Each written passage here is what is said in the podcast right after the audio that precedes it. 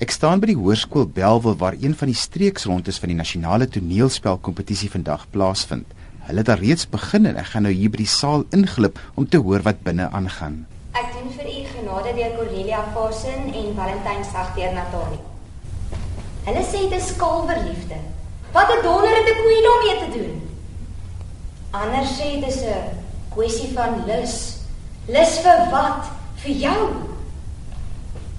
Dalk is hulle reg. Maar ek noem dit liefde. Want ek weet sonder enige enige twyfel dis meer lief as lus.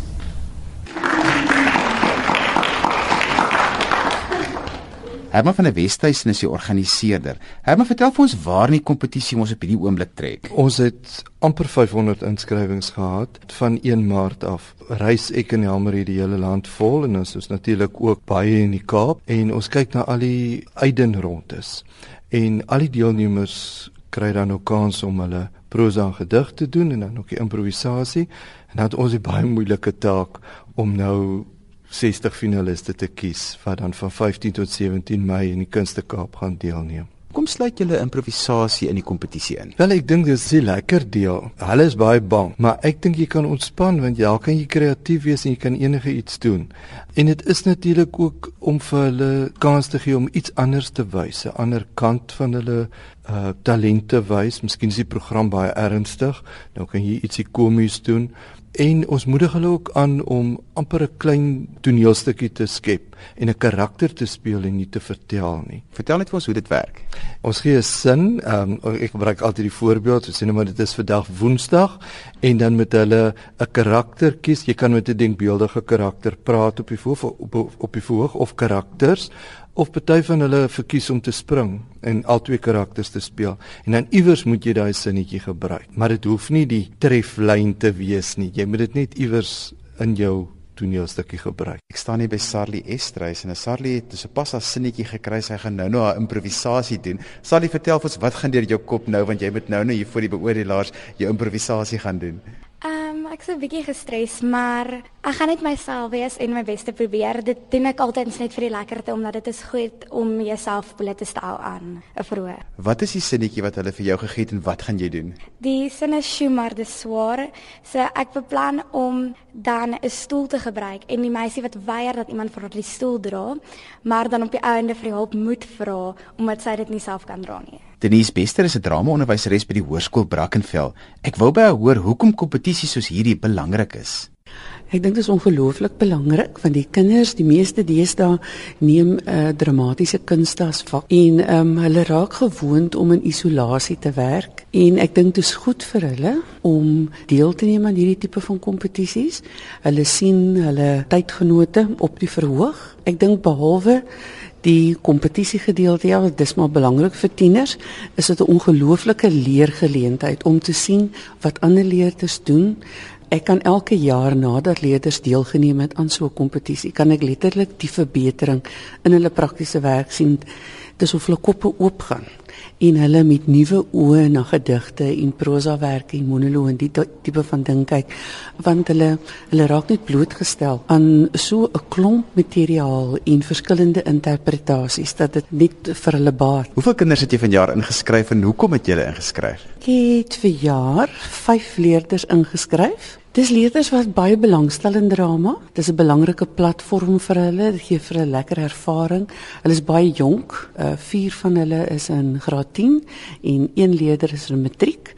So ja, dis net om daar te kom, daar buite te kom en op te tree. Dis tog waarom hulle drama's vak neem. Wat is die rol van die onderwyseres? Wat moet julle doen? Hulle kom gewoonlik en sê juffrou ek wil inskryf hierdie jaar en dan gaan sit ons en ons gesels met mekaar. Begin gewoonlik by die gedigte want dit is makliker iets wat 'n indruk op jou gemaak het waarvan jy hou. Ek dink is altyd makliker om te werk met materiaal wat spreek tot die leerder. Ek beklemtoon ook baie vir my leerders dat dit baie noodsaaklik is as jy by drama bedrywighede betrokke is dat jy moet lief wees vir lees en jy baie moet lees en in die teater moet kom om ehm um, jou wêreld daarom net so bietjie te vergroot. So ja, ons begin by die gedig en dan sal ek luister wat hulle te sê het en waarvan hulle hou.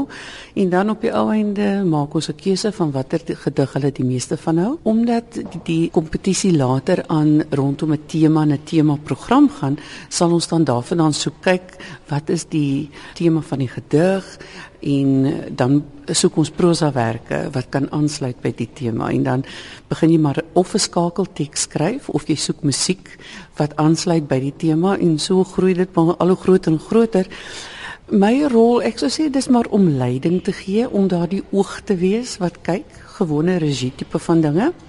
En dis vir my elke jaar is dit vir my lekker.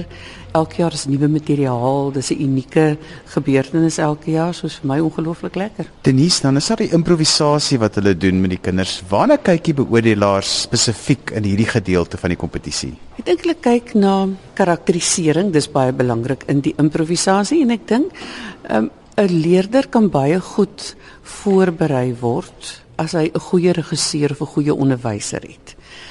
En ek dink die improvisasie skei die koring van die kaf. Want daar is die leerder absoluut op sy eie en dit maak die speelveld gelyk. So ek dink as daardie leerder op die verhoog stap, dan kry die beoordelaars die geleentheid om werklik die rou talent te sien sonder dat enige iemand daarin gepeter het. En ek dink dit is 'n baie goeie uh, aspek van die kompetisie, want dit is nodig dat die leerders hulle self moet vertrou en hulle eie kreatiwiteit moet vertrou. En daarom is dit 'n goeie deel van die kompetisie. Nou hier's 'n deelnemer wat hier rond staan, sy lyk my lekker gespanne. Wat is jou naam? Vicky. Vicky van waar af is jy? Ek is van Belwel.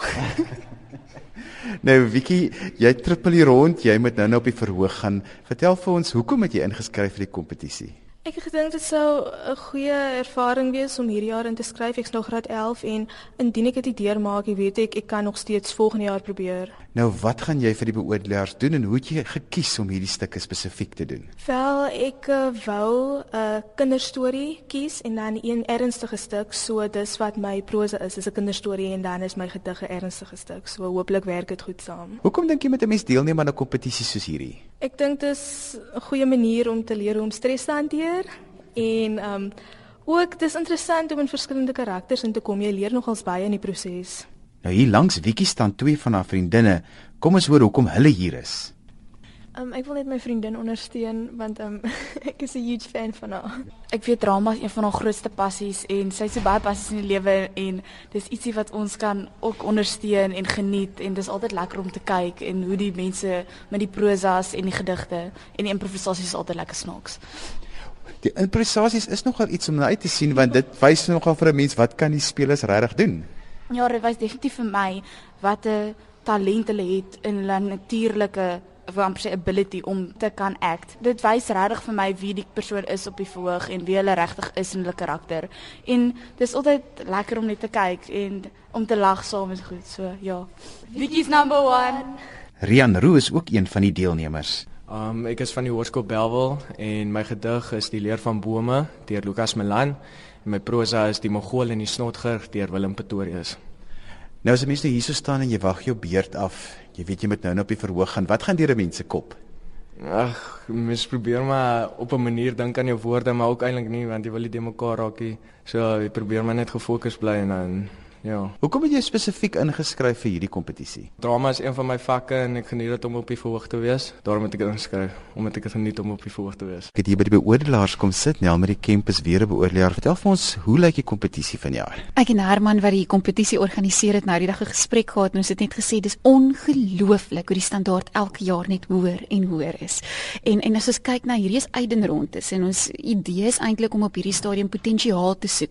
Ons besef dis nog aan die begin van die jaar en baie kinders se programme is nog nie heeltemal afgerond nie. Dis al die verwagting waarmee ons ingaan, maar die die standaard van die werk wat ons net sien verstom ons en dit maak ons ongelooflik opgewonde om te dink wat sal ons in my maand sien wanneer hierdie kinders wat deurgaan dan die geleentheid het om nog verder te werk en hierdie hierdie werk wat eintlik net meer kan groei en volwasse raak na daai tyd toe. Nou hulle doen 3 tekste. Die eerste 2 is wat hulle voorberei, dan is daar 'n improvisasie. Verduidelik gou vir ons waarna kyk 'n mens in al 3 van die afdelings. Ek dink as jy die voorbereide werk kyk wat die prosa aan die gedig is, dan kyk mens nogal na hoe hulle 'n teks benader.